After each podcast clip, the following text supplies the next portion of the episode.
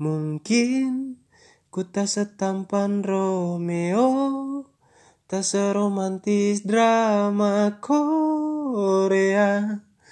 Tapi ku akan buktikan bahwa ku punya cinta yang indah. Setia tak terbatas Waktu bila kau jadi milikku Oke, sekian dari Ustadz Somad. Saya segenap keluarga besar Atta Halilintar mengucapkan Minal aizin wal faizin, mohon maaf lahir dan batin. Dan selamat menunaikan ibadah puasa buat Ibu Priscilia.